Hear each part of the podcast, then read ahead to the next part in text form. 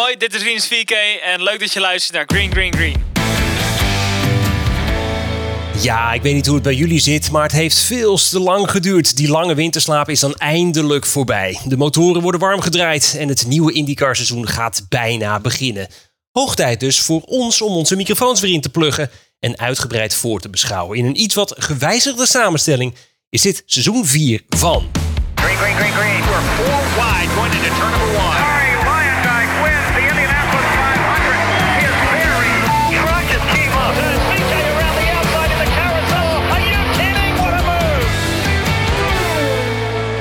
Dit is Green Green Green, de podcast. Met Jeroen Demmendaal, Henry Faun en René Hoogterp. Ja, welkom allemaal. Een nieuw IndyCar seizoen staat op het punt van beginnen. En dus ook een nieuw seizoen van Green Green Green, de IndyCar podcast van Nederland.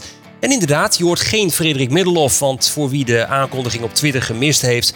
We hebben helaas afscheid moeten nemen van hem. Hij is natuurlijk erg druk als podcastondernemer. En zo was het behoorlijk lastig om het een en ander te combineren met deze show. Maar gelukkig is hij er op de achtergrond nog wel bij betrokken. Maar eh, vanuit onze kant, dank je wel Frederik voor alles de afgelopen drie seizoenen. En eh, we zagen ook eh, de mooie berichten via Twitter voorbij komen. Ja, en dus mag ik mezelf nu even aankondigen. Ik ben René Hoogterp, IndyCar-commentator bij Ziggo Sport. En ik mag met trots vanaf dit seizoen jullie nieuwe host zijn. En we gaan dus wel gewoon, ondanks het vertrek van Frederik, gewoon door. En natuurlijk gaan we door in een eh, iets wat aangepaste samenstelling. Nog steeds links voor mij. Gelukkig sommige dingen veranderen niet. Autosportschrijver, mede IndyCar-nerd Jeroen Debbendaal. Welkom Jeroen. Hallo, zijn we weer. Even, Lekker, die, eh, even die winterslaap uit de oogjes wrijven. Ja, Het is hier bijna Zweedse temperaturen hoor. Dus in die zin eh, voelen we die Ja, nou, hier met begint- elkaar verbonden. hier begint de sneeuw inmiddels weer weg te smelten. Maar we hadden eerder eh, dit weekend inderdaad eh, dik pak sneeuw, ja. Goed dat je er weer bij bent. En rechts voor mij onze nieuwe teamlid. Je hoorde hem al in onze eindejaarshow eind vorig jaar als eh, notaris of quizmaster misschien wel beter gezegd. Eh, vanaf dit seizoen ben je er eh, vast bij. Henry Faun, welkom Henry. Hey, hallo. Ja, fijn om nu echt bij te zijn. Er kwam een eh, stoeltje vrij eh, met het vertrek van Frederik. En je weet hoe dat gaat. Ik bellen met de familie Kellet. Die hadden nog een paar miljoen liggen aan sponsorgeld. Eh nou ja, lang verhaal kort. Ik zit hier. K-Line Insulators zijn echt helemaal top. En eh, Jeroen en René bouwen een nieuwe villa en thermal club. Ik heb er zin in. Oh, ja, ja. Nee, helemaal goed, helemaal goed. Nee, top Henry, leuk dat je erbij bent. Eh, we hoorden je natuurlijk vorig jaar al eventjes. Maar om even te weten hoe jij hierin zit. Jij bent natuurlijk ook al lange tijd IndyCar verslaafd hè? Ja, ik durf het bijna niet te zeggen, bijna 30 jaar. Ik ben destijds met Nigel Mansell mee over de oceaan verhuisd. Eh, mijn broer was een groot eh, fan van de man met, de snor. Eh, dus we moesten ook IndyCar gaan kijken thuis. Dus zondagavond op de bank. Eh, En de rest is history. Mag ik dan ook Nigel Mansell? Is dat dan jouw grootste cultheld geweest dan? Eh, ja, een beetje wel. Maar hij is natuurlijk niet echt eh, de- van de IndyCar school. Of, eh, hij was natuurlijk Formule 1 wereldkampioen. Nee, als ik dan echt naar, naar helden kijk. eh, ik vond Alex Zanardi wel een hele grote held. Ik zat eh, bij de split echt heel ferm aan de kartkant. Eh IRL vond ik een beetje- een beetje, een matig op dat moment. Eh het was Zanardi natuurlijk een grote man. Greg Moore, ook wel een grote held. Ja, en recenter heb ik ook wel een, een zwak voor willpower. Eh, dat is dan zowel held als cultheld. Held op de baan en cultheld buiten de baan, denk ik. Ja, dat zeg je heel goed, heel goed. Nee, fijn, eh, top. En eh Henri, jij zit natuurlijk sinds eh, 2018 zit je al ja, naast mij eigenlijk bij de Ja. Ziggo-uitzendingen. Dus we kennen elkaar goed. En ik, ik ben ontzettend blij dat jij ons team komt versterken. We hebben een prachtig team. Dus we hebben ook een mooie volle show voor je vandaag. Want we hebben ontzettend veel om over te praten. Voordat de 27, jawel, je hoort het goed, 27 IndyCars op 3 maart weer losgaan eh, op de straten van St. Petersburg in Florida. We nemen natuurlijk de hele grid door, bellen met onze vriend van de show Rinus 4K vanuit Amerika en lanceren ook een nieuwe editie van ons voorspellingenspel. Maar voordat we beginnen, eh, even uit de losse pols kwam een vraag binnen van Lucas de L aan ons allemaal. We gaan eventjes rustig starten. Welke namen moeten we dit seizoen extra in de gaten houden? En van wie hebben jullie hoge verwachtingen dit seizoen? Ja, Jeroen, eventjes eh, uit de losse pols, kom maar op. Eh, Christian Lundgaard en Kyle Kirkwood. Ja, ik, geen verrassende keus. Geen verrassende keus. Maar eh, inderdaad eh, interessant. En we gaan het natuurlijk zo dadelijk over hebben waarom dat zo interessant is. Henri, als ik die vraag ook aan jou mag stellen. Nou, enigszins gras van mijn voeten weggemaaid, maar ik zeg dan Callum Islet. En voor de titel Scott McLaughlin en Alexander Rossi. Interessante transfers natuurlijk ook eh, van de mannen die we net hoorden. Als ik namens mezelf spreek, dan ben ik ook vooral benieuwd naast die talloze jonge honden die de gevestigde orde wil verstoten, wil ik juist eigenlijk zien hoe die gevestigde orde het nog kan doen. Hè? Denk aan een Scott Dixon, denk aan een Will Power. Want de, nieuwe aanwas, die is natuurlijk groot, maar de aloude helden die laten ons altijd zien dat ze behoorlijk scherp zijn. Dat hebben we gezien met Dixon de afgelopen jaren. Dat hebben we gezien met Power als regerend kampioen. Dus eh, ja, dat is eh, denk ik eh, ook de mannen die ik in de gaten ga houden. Maar we kunnen heel veel mannen in de gaten houden. En daarover gaan we het natuurlijk zo dadelijk hebben. Veel meer vragen natuurlijk ook zo dadelijk. Dank voor het insturen daarvoor. Ja, het was natuurlijk als vanouds weer een lange winterstop. voordat we zo dadelijk met Rinus gaan spreken en alle teams de revue laten passeren. Eerst even wat basisbeginselen misschien wel voor 2023. En ja, laten we dan maar beginnen met de kalender. Oftewel, we gaan de agenda strekken. Wanneer zijn wij eigenlijk eventjes niet meer beschikbaar, Jeroen? Nou, ongeveer op exact dezelfde uh, plekken en data als vorig jaar. Want uh, we hebben een vrijwel onveranderde kalender. Um, uh, zelfs eigenlijk alle namen zijn hetzelfde. Er is dan één verschil. Dat is dat we in Detroit op een andere baan gaan rijden. We hebben natuurlijk jarenlang op Belle Isle gereden. Belle Isle is niet meer. En we gaan nu terug naar downtown, naar de mean streets of Detroit. Uh, rond dat, hoogte, uh, dat hoofdkantoor van General Motors gaan we scheuren. Net als vroeger. Gaaf. Uh, maar we beginnen gewoon weer in St. Pete, zoals het hoort. Um, en ja, verder eigenlijk ook weer gewoon hè, die twee IMS Roadcourse races. Daar moeten we ook nog steeds met lange tanden doorheen. Um, ook nog een vraag van Emiel Hulting. Die zegt, zijn we tevreden met de kalender van dit jaar? Nou ja, dan begin ik alvast weer mijn vaste riedeltje af, uh, af te rollen. Uh, er mogen nog wel wat ovals bij. Um, in plaats van die tweede IMS Oval of IMS Road Course race kunnen we de Watkins Glen niet gewoon weer terughalen. Harry, ja. jij had nog een idee geloof ik?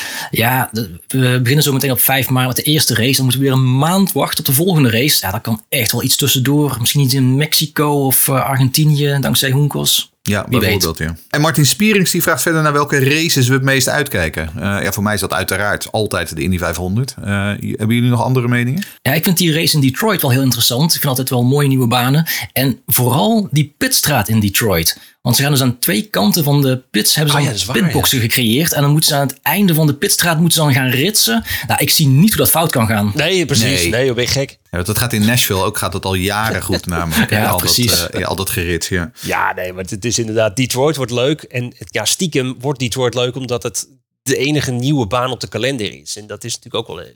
Het is niet echt rijk gevuld in die zin. Maar ja, het blijft een mooie combinatie van zo'n road courses, street courses, ovals. Ik denk dat het overal... Iedereen is het over eens dat er meer ovals op die kalender moet komen. En die tweede AMS-race, die mag er vanaf. Nou, eigenlijk zijn we het behoorlijk eens gezien, denk ik. Uh, het is dit seizoen uh, 15 jaar na de samenvoeging tussen uh, Kart, Jamcar en de IndyCar Series. Je noemde het net al, Henry. De, de, de, de, fusie daartussen. Ja, mocht je, en de split natuurlijk ook. Mocht je je nog even afvragen wat het nou precies was. Alles rondom de split. Luister dan onze IndyCar 101 deel 1 even terug. Daar hebben we het uitgebreid over gehad toen. Maar goed, Henry, 15 jaar na wat magere jaren je noemde het al, IRL. En nou, sinds 2008 was het ook niet altijd even lekker. Maar goed, nu uh, best wel meer vet aan de botten. Uh, maar er is ook wel wat kritiek, hè? Ja, die was eigenlijk vooral op het uh, motorreglement. Of dat wil zeggen eigenlijk dat er helemaal niks in gebeurt. Of te weinig in gebeurt. nadat uh, Champ Car, Kart en IRL bij elkaar kwamen, hebben ze een paar jaar daarna hebben ze die DW12, een nieuwe chassis geïntroduceerd, waar we in principe nog steeds mee rijden, wel met wat aero aanpassingen. En ook toen is die, die motor gekomen, die uh, 2.2 uh, Twin Turbo V6. Nou, we zouden eigenlijk al dit jaar een nieuwe motor krijgen, een 2.4 uh, Twin Turbo met hybride systeem. Dat is toen al een, een jaar uitgesteld en afgelopen zomer of afgelopen winter uh, werd dan ook nog aangekondigd dat eigenlijk die hele nieuwe motor er niet kwam. En alleen nog het hybride systeem. Uh, dat was vooral op aandringen van Honda en Chevy zelf. Die zeiden van ja, wij kunnen gewoon geen hele grid met, uh, met die nieuwe motor gaan, uh, gaan vullen. Ja, dus is dat nou goed of niet? Um, het is beter om een goed gevulde grid te hebben. Maar ja, eigenlijk is het ook al een beetje het, het failliet van, van deze formule. Omdat er ook al geen, geen derde motorleverancier bij komt. Zoals ze zo vurig hopen. Nou ja, precies. En de, dus daar kun je behoorlijk vraagtekens bij zetten. Ook Ramon Kok die had daar zijn vraagtekens bij gezet. Wat houdt het nu in voor de toekomst van de IndyCar Series, Jeroen? Nou ja, het probleem is inderdaad dus dat die nieuwe 2.4's, die zouden gewoon veel en veel duurder worden. Ehm, maar het budget bij Chevy en Honda ging ondertussen niet omhoog. Oftewel, die zei van ja, nou, we kunnen misschien 10 motoren allebei leveren. Ja, en wie gaat er dan eh, niet meer meedoen? Hè? Moet AJ Foyt dan uh, volgens voortaan maar niet meer meedoen? Of Junkos niet meer meedoen? Kijk, dat is natuurlijk gewoon een probleem, uh, inderdaad. En dan die derde uh, motorleverancier. We hebben Ferrari zien snuffelen. We hebben Porsche zien snuffelen. Uh, we weten dat die Hyundai Kia ernaar gekeken heeft. En uiteindelijk heeft niemand gezegd van... ja, ja wij willen hier wel in mee. En als je dat dan vergelijkt met bijvoorbeeld IMSA, de sportscars in Amerika... waar ook een nieuwe motorenformule uh, is geïntroduceerd. En daar is Jan en allemaal ingesprongen. Nou, wat is dan het verschil? Ja, IMSA heeft eigenlijk de motoren en, en de, de autofabrikanten meer vrijheid gegeven. Terwijl IndyCar een hele strikte formule had. Er was heel veel verschillende parameters en daar moest je allemaal aan voldoen. En heel veel autofabrikanten hebben daarnaar gekeken en die dachten... Nou, nee, geen interesse, sorry. En dus ik had graag gezien dat IndyCar net als IMSA gewoon wat meer vrijheid had toegestaan. Zoals we dat ook in de oude kartjaren hadden natuurlijk. Want toen had je natuurlijk ook een aantal verschillende benaderingen van de verschillende motorenfabrikanten. Uh, dus ja, je, je, vraagt je wel een beetje af of IndyCar zichzelf niet een beetje in de voet geschoten heeft. Door zo, uh, zo'n strikte formule te hanteren. Ja, goed punt. Uh, goed punt. En de kritieken gaan door. Want ook op het gebied van prijzengeld is het nodige te doen geweest, toch? Ja, nou ja, dat is het inderdaad. Dat, dat is dus de, de befaamde Leader Circle. Daar hebben we het hier wel eens eerder over gehad. Uh, de beste 22 auto's uh, van het veld. Die uh, krijgen om en nabij iets meer dan 1 miljoen dollar uitbetaald. Um, nou, dat prijzengeld gaat dus per auto naar beneden met 150.000 dollar. Waarmee die payout per auto dus ook onder de 1 miljoen dollar terechtkomt. Um, het idee is dan dat de resulterende 3 miljoen plus uh, die ze daardoor overhouden, dat dat dan in het marketingbudget van IndyCar uh, um, uh, de, de, het hoofdkantoor moet gestoken worden. Wat misschien wel slim voor de raceklasse zelf is, maar voor de teams ook een beetje zuur. Um, we hadden Bas van Dijk, die, die, die, dat is een luisteraar die vraagt wat, wat voor gevolg heeft dit voor de funding van de teams. Nou ja, Ga maar tellen. Als je Andretti bent, ja, dan moet je dus opeens uh, 6 ton uh, er, extra ergens gaan vinden. Als je ECR bent, moet je 3 ton extra opsnorren. Uh, en ook al redelijk vrij laat in het seizoen. Want de meeste commerciële contracten die zijn nu al getekend. Um, en dat is natuurlijk weer een groter probleem. Dat IndyCar zoals gewoonlijk vrij beroerd communiceert. Want ik heb me via via laten vertellen dat de, dit, deze beslissing voor veel teams als een volslagen verrassing kwam. Dus ja, ideaal is het niet. Mm, ja, daarom stoppen ze die 3 miljoen in communicatie waarschijnlijk. Ik ja, dat zal wel inderdaad. Ja, ja, precies. Ja. Dus ja, het is allemaal weer een beetje uh, broekzak-vestzak uh, gedachte. Krijg je wel een beetje. Dat idee krijg je er wel een beetje bij. Ja. Kijk, en er zijn natuurlijk heel veel kritieken geweest over van dat de marketing, dat er wat meer aan gedaan moest worden te, ter promotie van de klasse. Ja. En dus iedereen juichen, ja, we gaan weer promotie hebben. Ja, maar het gaat wel van jouw potje af. Oh, nou, ik ben heel erg benieuwd hoe, uh, nou, hoe dat zich gaat ontvouwen. Maar goed, je merkt nu al wel dat er, dat er ontwikkelingen zijn. Dus ik uh, ben benieuwd. Um, Harry, we hebben dit jaar wel een extra, nou, laten we het een Nederlands, dus aanhalingstekens, tientje hebben, hebben we dit jaar. Ja, ja, daar zal zeker ook over gecommuniceerd worden. Um, we hebben dit, dit is een nieuwe brandstof. Hij is 100% renewable. Kijk, kijk. En uh, geleverd door ons uh, eigen, of in ieder geval half eigen, half Nederlandse Shell. Niet dat we daar heel veel op de baan van gaan merken van de nieuwe brandstof, denk ik. Uh, maar ik denk dat wel iets is waar uh, IndyCar zich mooi kan, mee kan profileren. Uh, en dat de, voor de, de, de, groene agenda van de, van de raceklasse wel heel mooi is. zo is dat, zo is dat. Um, dan hebben we ook nog een nieuwtje wat op zich misschien niet zo heftig klinkt, maar toch wel impact kan hebben. Namelijk het feit dat de Indy 500 uh, geen dubbele punten dat daarvoor meer gegeven gaat worden. Wat vinden we daar nou eigenlijk van? Ja, ik, uh, ik vind het wel prima eigenlijk. Um, kijk, en dat heeft er niks mee te maken dat Rinus VK afgelopen jaar als allerlaatste eindigde en daardoor een enorme achterstand opliep. Uh, daar heeft het nou, of juist dat, wel. Nou, daar, eerlijk, eerlijk gezegd, daar heeft het niks mee te maken. Um, kijk, ik, ik ben nog van de oude stempel. ik kan me nog de goede oude kart series dagen her, herinneren. Toen de top 12 gewoon punten kreeg. Kijk, wat je nu natuurlijk ziet, is dat het hele veld punten krijgt. Ik denk dat de volgende stap zou moeten zijn dat je ook uh, um, die automatische puntenuitdeling voor alle uh, finishers uh, aan banden moet leggen. Misschien de top 15, misschien de top 20. want dan krijg je namelijk ook achter in het veld krijg je meer strijd. Ja. Um, als die twaalfde of die dertiende plek, als dat het verschil is tussen wel of geen punten, kijk, dan, dan, dan wordt het nog wat. kijk, nu is het zoiets van, vooral als je inderdaad in die lagere finishes gaat kijken, ja, of je dan een plekje lager of hoger finish, dat scheelt één punt. Ja. ik, ik denk dat je op die manier meer strijd kunt creëren. Eh, maar goed, daar zijn we nog niet. Hoe dan ook. Ik denk dat de dubbele punten eruit. We hadden, ooit hadden we dubbele punten voor de seizoensfinale. Die zijn eruit. Uh, we hebben nu de dubbele punten voor de 500 die eruit zijn. Uh, ik vind het wel prima. Ja, het maakte uiteindelijk volgens mij statistisch geen enkel verschil. alleen in 2015 met tussen Montoya en Dixon had het verschil kunnen maken. Maar toen was de laatste race ook dubbele punten. Daar pakte Dixon de punten. Montoya had de 500. De, de, de, 500 is gewoon groot genoeg op zich. Dat is gewoon een race op zich. En die hoeft geen dubbele punten te hebben voor mij. Maar het maakt uiteindelijk niet veel uit.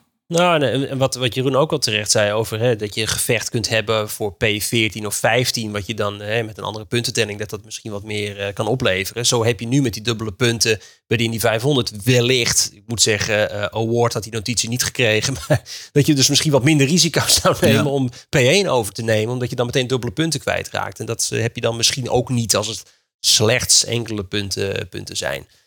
Tot slot was ook nog even een vraag van Bas de Veldhuis. Ja, die was voor mij, dus laat ik hem maar meteen oppikken. Gaat Ziggo Sport Racing dit jaar de kwalificaties ook met Nederlands commentaar uitzenden? Nou, eerlijk gezegd, dat weet ik niet. Ik weet wel dat er wat meer, uh, wat meer aandacht weer gaat komen voor de raceklasse afgelopen seizoen.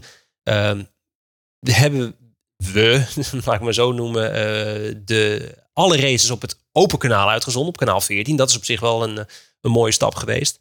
Maar ik heb later deze week nog een meeting, dus ik kan het nog eens een keertje kan ik het nog eens een keertje opgooien. Goed, tot zover wat algemene zaken voor het seizoen 2023. Nu tijd om de complete klas door te nemen. We zeiden het net al, maar liefst 27 fulltime entries staan er op de startlijst. Uh, ja, Jeroen, Harry, we hebben nog even een interne discussie gehad of dit nu het meeste aantal is sinds 2011 of 2001. Nou goed, feit is wel, het is gewoon volle bak. En het is sowieso een goed teken. Um, als we kijken naar de teams, McLaren die uitbreidt van twee naar drie auto's. Uh, Junkos die een tweede auto heeft ingeschreven. Uh, alleen Voigt is dan degene die een auto teruggaat. Maar goed, al met al de 27 auto's die we dit seizoen gaan hebben fulltime. Maar er zijn er ook een paar die we moeten missen, hè Jeroen? Even een tragisch muziekje erin. Een tragisch muziekje erin. Uh, voor de fans van Jimmy Johnson. Um, de, de, fans van Cautions. Uh, de fans van spins die uit het niets komen. ja, Jimmy Johnson, uh, dat weten we inmiddels, die, die heeft na twee jaar standvastig proberen, heeft hij uh, besloten om er toch maar gewoon mee te stoppen. ik vond het nog steeds prachtig dat hij erbij was, maar het is denk ik voor het veld gewoon wel beter dat hij er niet meer bij is. Um, en we moeten, ja, we moeten even wachten of we hem weer in actie gaan zien. Um, hij slaat IndyCar waarschijnlijk helemaal over in 2023. Er was eerst was sprake van dat hij misschien de 500 nog zou doen. Uh, maar dat gaat dit jaar sowieso qua, uh, qua scheduling niet helemaal lukken, omdat hij toch ook weer wilt in de NASCAR gaat doen.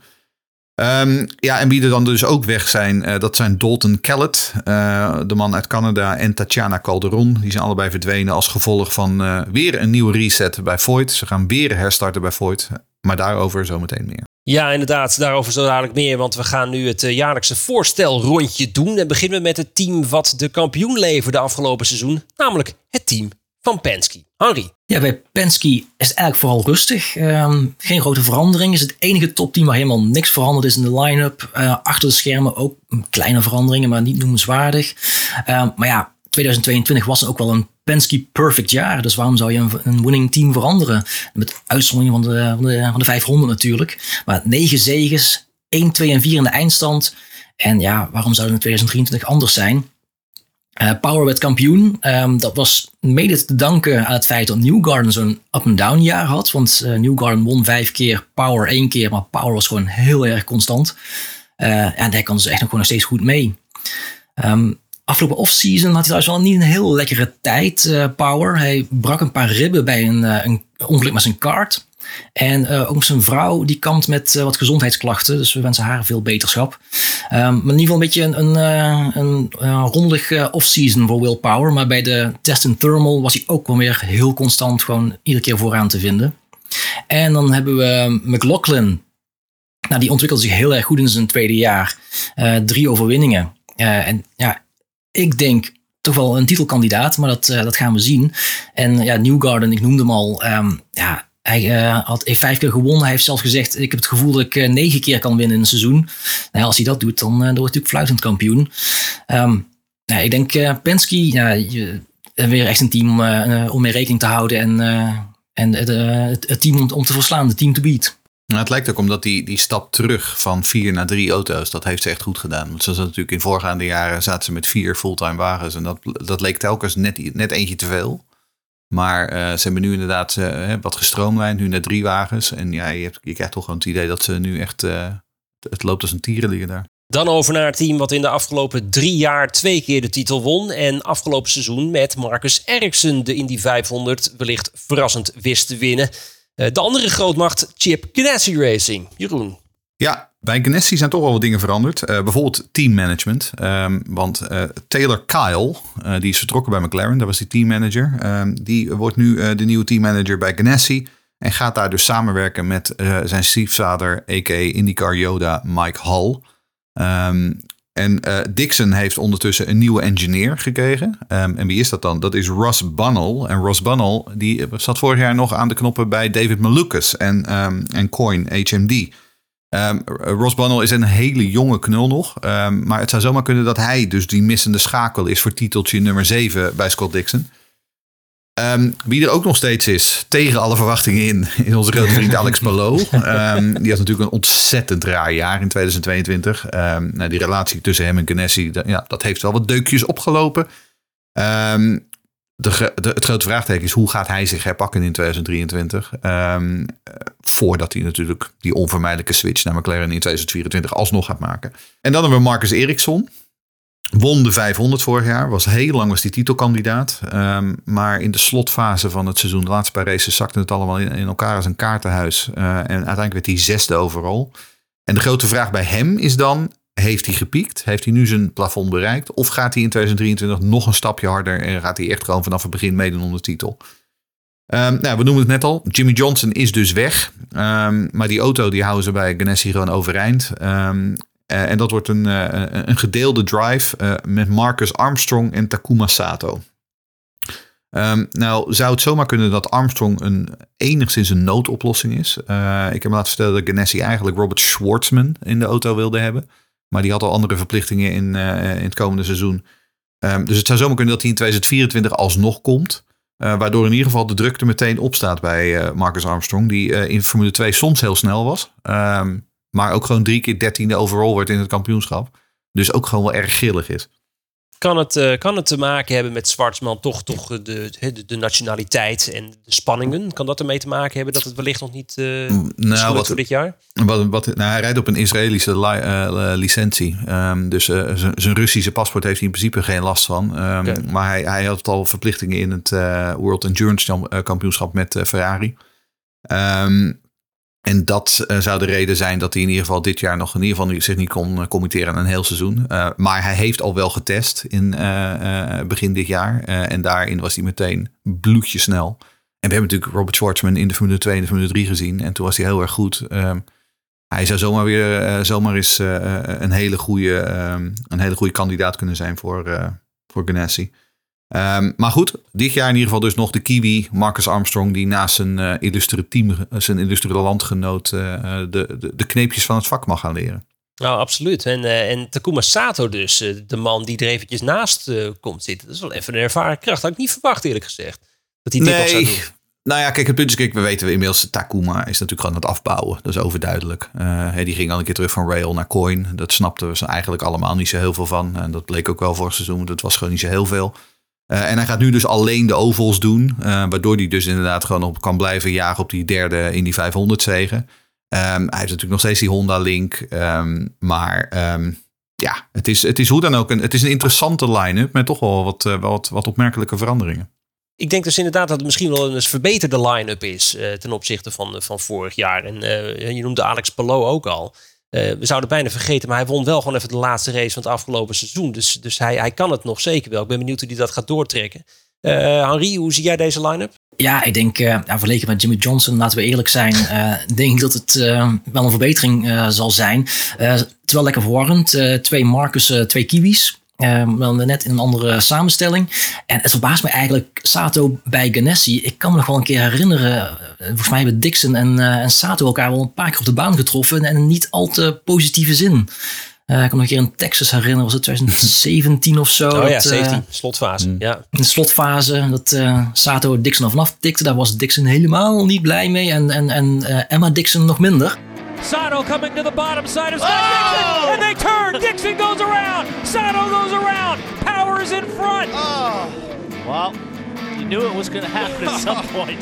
They were absolutely driving like maniacs. Maar was dat de befaamde deleted tweets? Dat is feite een deleted tweet. Ja, precies. Ja, ja. nou, ik moet ook zeggen, eh, Dixon hield zich opvallend op de vlakte toen tijdens de mediadagen gevraagd werd wat hij vond van de nieuwe samenstelling en het feit dat hij nu samen mocht komen werken met Sato. Eh, het was allemaal interesting, het was allemaal eh, eh, encouraging en het, hij zei eigenlijk niet zoveel. Ehm, maar ik denk wel, ik ben het wel met je eens hoor. Ik denk ook dat, dat, ze, dat ze er wat dat betreft in de breedte gewoon beter van geworden zijn. Ehm, en vergeet niet, Sato stond al lange tijd ook op het lijstje bij Andretti. Hè? Andretti wilde hem ook graag hebben, maar hij heeft uiteindelijk dus getekend bij Ganassi. Dus ehm, nee, ik denk dat ze, ik denk dat ze groei aan hem hebben. Ja, vlak hem niet uit voor de Indy 500. Nee. Ganassi was vorig jaar heel sterk en Sato is altijd goed. Is altijd goed, hè? Ja, ja altijd interessant. Eh, we gaan ook eventjes terug naar Marcus Armstrong. Want er is een vraag binnengekomen van Lieke Woltjer. eh, na, eh, naar aanleiding van die komst van Armstrong. Ze vraagt, wat vindt iedereen van de nieuwe aanwas vanuit de Formule 2? En Hartstikke mooi dat IndyCar nu ook daar gezien wordt. Maar ontneemt dit misschien wel de kansen voor de Indy Lights coureurs... die wel alle, ja, zeg maar het, het normale opstaptraject hebben verlopen? Ik goede vraag, Jeroen. Nou, ik denk dat dat wel meevalt. Want als je kijkt natuurlijk wie er de afgelopen jaren doorgestroomd zijn vanuit de Indy Lights. Hè, we hebben dit jaar hebben we Stingray Rob en Benjamin Peterson eh, die doorgestroomd eh, zijn.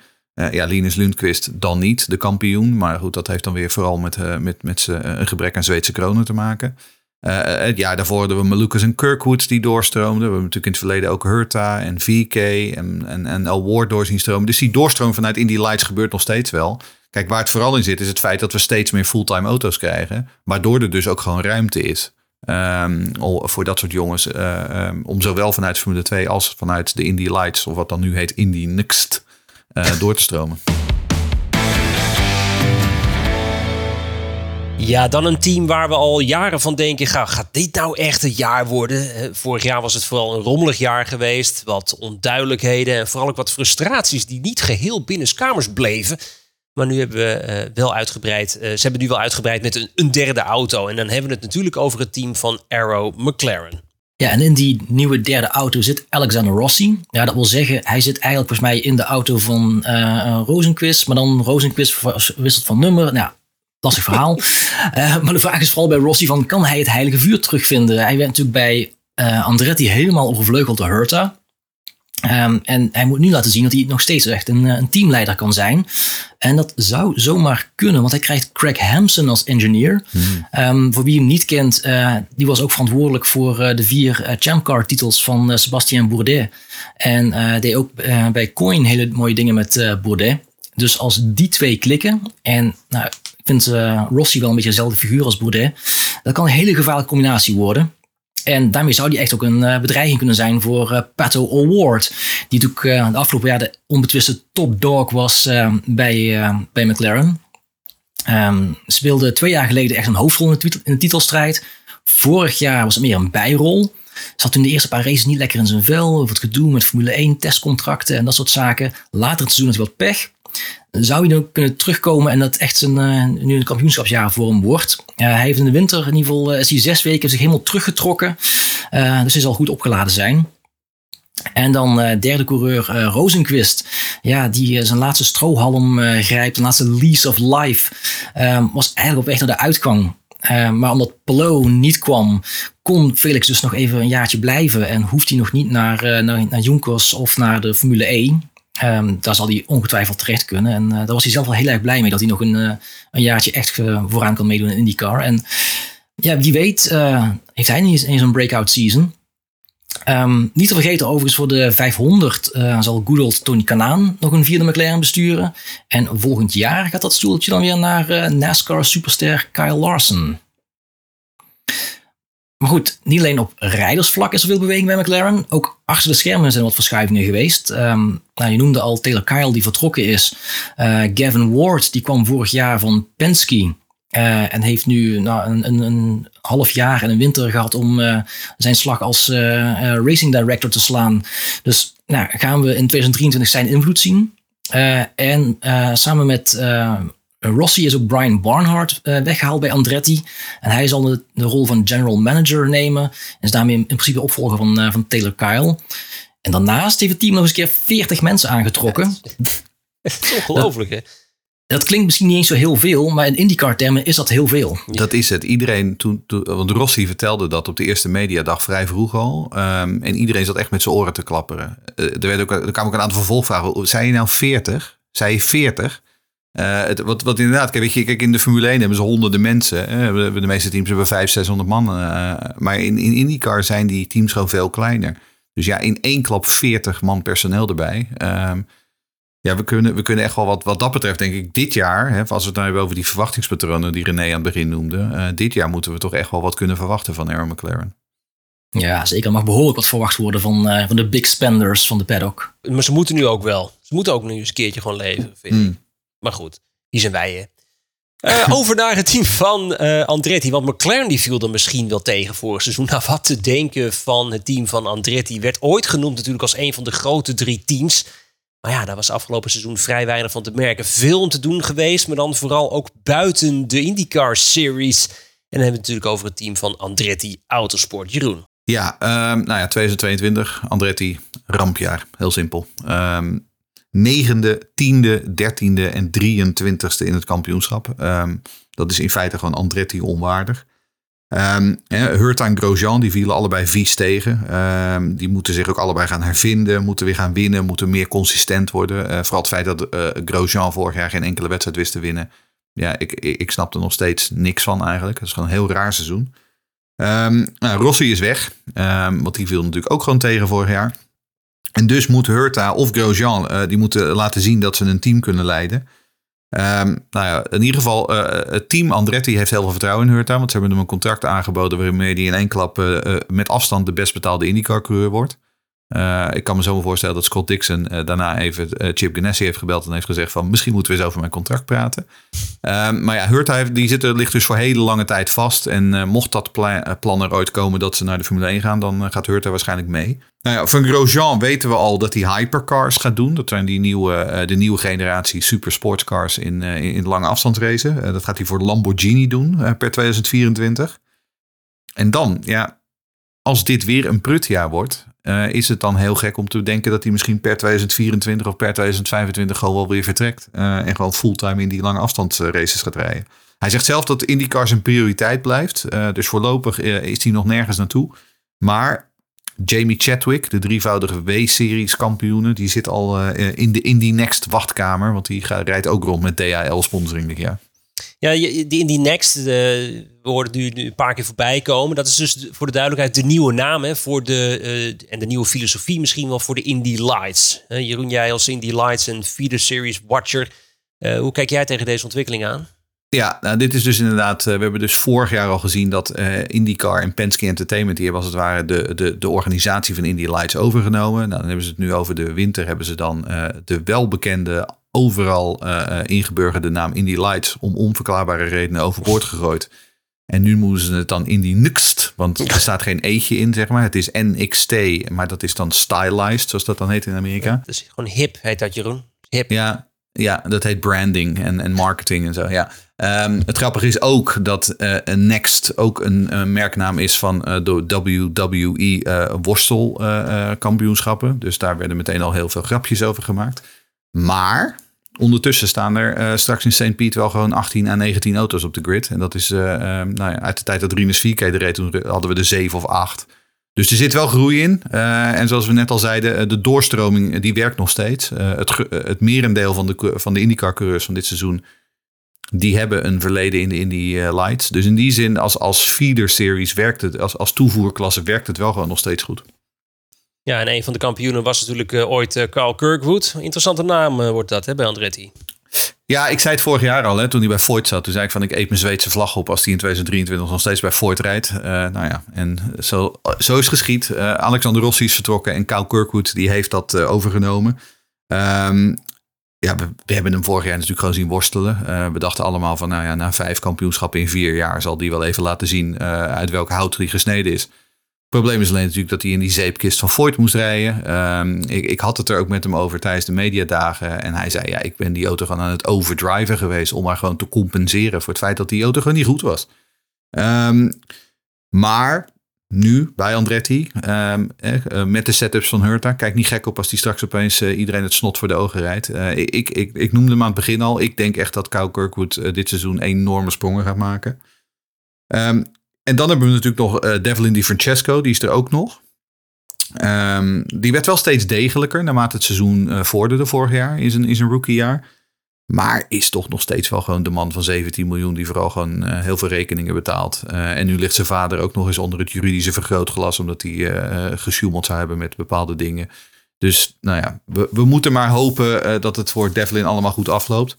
Ja, en dan organisatorisch. Dat is nog steeds een vraagteken bij Andretti. Uh, er zijn een hoop engineers vertrokken. Um, Henri noemde het net al. Brian Barnhart is weg. Dat was toch wel een hele ervaren man. Um, en dan is er al die afleiding van uh, gaan we Formule 1 doen of niet? Uh, gaan we, er zijn er allerlei tal van andere raceklasses. Want Andretti spreidt die tentakel steeds verder uit. Um, hoe dan ook, een, een, herhaling van de interne chaos die we vorig jaar op Mid-Ohio zagen. Die is wel echt uit den boze. Dat moet gewoon over zijn. Kirkwood is echt wel de, de interessantste naam om in de gaten te houden. Van hoe ontwikkelt hij zich? Um, hij was ook heel lastig vorig jaar. Uh, een, een, hok van een auto. Uh, hij zei van ik zie het helemaal niet meer zitten. Wat moet ik met dit ding? En ik zei van ah joh joh, niet zo overdriven. Ja. mag je uitknippen Nee, ik ben wel blij dat we nu een vervanger hebben van uh, Frederik inderdaad. Voor de slechte woordgrappen. Heel goed. Ja. Oh, nee, dat is gelukkig, mooi. ze zijn er gelukkig Ja, ook. ze zijn er nog goed. Hey, er werd even met een bijzin werd er gezegd dat uh, Hurta met een nieuw contract nu veruit de best betaalde IndyCar-coureur wordt. Hebben we ook ja. uh, cijfers? Ik heb me in de tamtam laten vertellen rond de 6 à 7 miljoen dollar per jaar. Lekker. Ik, ik krijg het niet. Dan het team van Rail Letterman Lanigan. Een team dat flink heeft geïnvesteerd de afgelopen jaren. Vorig jaar de entree van een derde auto. Maar die werd dan vervolgens bestuurd door een belofte die compleet niet kon leveren. En dan hebben we het natuurlijk over Jack Harvey. Uh, het is een belangrijk jaar in verschillende opzichten, hè Harry? Ja, ze moeten nu toch echt stappen gaan zetten. Uh, ook hier een nieuwe technische chef. Um, ze hebben F1-veteraan uh, Stefano Sordo aangetrokken. Ook die is in loop van vorig jaar begonnen. Ze heeft wel een tijd gehad om zijn, zijn stempel te drukken. En ja, 2023 moet echt het jaar zijn waarin uh, RLL uh, het, het vol gaat trekken uit die uh, uitbreiding naar drie wagens. Nou, als we even kijken naar de coureurs. Uiteraard Ray Hall, die is de teamleider. er is al een paar wel heel erg flat. we houden zo'n statistiekje bij van wie heeft al heel lang niet meer gewonnen. Nou ja, Ray Hall staat al heel erg lang, al heel ver bovenaan. ja, gaat hij dit jaar eindelijk weer eens wat winnen, wat podium scoren? Het is zijn laatste jaar van zijn langlopende contract. En in principe, zolang hij wil blijven, zal natuurlijk altijd wel een plek zijn in het team van zijn pa. Maar als hij nog zo'n matig seizoen heeft, wil hij dan nog wel? Hij, ik hoor hem steeds vaker uh, iets noemen over teammanagement rollen en dat soort zaken. Het zou me niet verbazen als. Maar goed, wie weet, weet vindt hij het heilige vuur weer.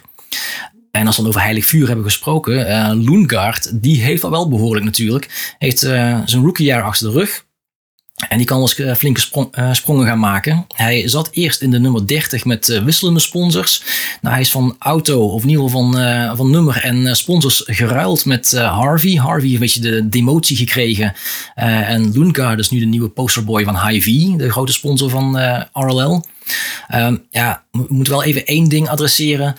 hij heeft als onderdeel van een weddenschap, heeft Loengaard een snor laten staan, die pas afscheert als hij een race wint. Het ziet niet uit. Nee, ik hoop echt dat hij in St. Piet wint. Dat het gewoon weg is, klaar. Het, het is echt zo'n zo'n zo'n zo'n 12-jarig jochie die zijn eerste haar heeft laten staan. Zo'n flasje. Ja, ja. Het, het, is helemaal niks. Helemaal niks. En over helemaal niks gesproken. Jack Harvey. ja, hij had echt een hopeloos seizoen in 2022. Uh, Eén tiende plaats. En ja, hij rijdt op, uh, zoals ze het dan mooi zeggen, borrowed time. Um, hij heeft wel een sponsor voor de eerste zeven races. Um, maar er zit al een hele uh, uh, reservebank aan coureurs in de, in de wachtrij. Uh, om hem eventueel voor zijn plekje te wippen als dat kan. Jury Vips zat op de reservebank. Die lijkt weer een beetje uit beeld verdwenen. Linus Lundqvist zou kunnen. we noemen hem net al de Indy Lights kampioen. Um, ja, Harvey moet echt gaan presteren. Anders is eh, misschien al tijdens het seizoen, maar niet wel na dit seizoen sowieso weg. En dan is er nog die vierde auto hè, voor, de, voor, de, voor de 500 die ze extra in gaan schrijven. Ja, ja, die hebben ze al aangekondigd. En ze zeggen dat er budget voor beschikbaar is, maar nog geen coureur bij aangekondigd. Ja, dat, dat zou natuurlijk een van die genoemde namen kunnen zijn. Eh, Ryan Hunter Ray wordt er ook wel voor genoemd. Die heeft natuurlijk al een verleden bij, uh, bij Ray Hall. En zou natuurlijk een goede betrouwbare kracht zijn. Ja, of willen ze dan via die weg alvast een vervanger inschuiven. Ik noem een Linus Lundqvist. Um, dat ze die een kans willen geven in de 500 met veel tijd om te, uh, te oefenen. Veel trainingstijd. En dan misschien na de 500 hem het stuurtje laten overnemen, wie weet. Um, ja, ik zou het uh, Lundqvist wel gunnen. Maar ja, Harvey is ook wel een sympathieke kerel. Dus dat, uh, je kunt hem ook niet tot uh, zijn ontslag. Maar er rommelt wel in die laatste ja. auto. Die derde auto, daar rommelt het, ja. Ja, hij is niet voor niks. hebben ze de, die HIV van hem afgepakt. maar ja, zoals hij zelf zegt, you don't know Jack. ja, maar het, is ook, maar het is ook echt de teleurstelling van vorig jaar misschien. We hebben het misschien in onze eindejaarshow vorig jaar te weinig over gehad. Maar uh, Harvey, het viel mij echt tegen. Echt heel erg tegen. Hij was hij, volledig moet, anoniem.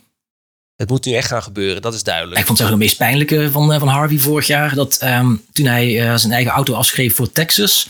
Komt uh, Santino Ferrucci. Ja, ja. wordt uit zijn bed gelicht. jong, kun je even naar, naar Texas komen? Oh, doe ik wel even. En rijdt een dijk van een race in diezelfde ja. auto. Ja, misschien mij maar lek. Ja, nee, absoluut. Goed, dan een team wat de afgelopen jaren ook flink heeft geïnvesteerd. Maar naast een Indy 500 winst in 2021 nog altijd wacht op meerdere successen. In de IndyCar dan. Kijk, dat het in de IMSA meer dan prima gaat, dat weten we wel. Na wederom een winst in de 24 uur van Daytona. We hebben het over het team van Meyer Shank Racing. Tom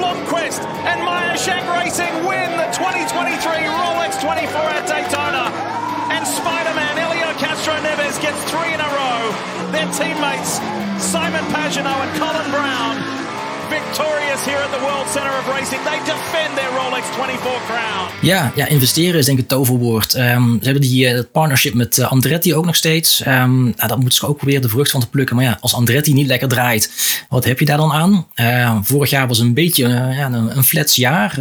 eigenlijk ondanks toevoeging van Pagino...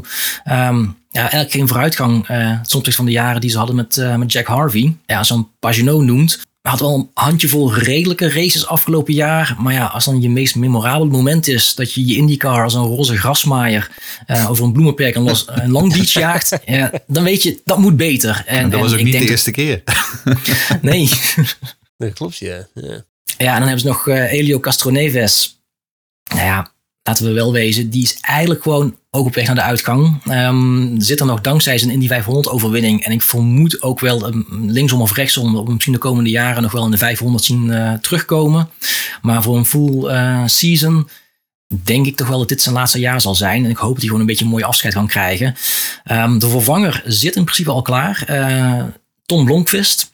Uh, je noemde net al de, de Daytona 24 uur overwinning. Dat was met um, Castro Neves, uh, Pagino, maar ook Tom Blomqvist die daar echt de, de ace was. Die gewoon um, bloedje snel was. Hij had volgens mij van de, van de topklasse, de, volgens mij de top 10 van snelste rondetijden waren allemaal op zijn naam. hij heeft een IndyCar al getest vorig jaar voor uh, Meyer Shank. En dat deed hij ook al heel erg goed. Dus nou, schrijf hem het potlood alvast in.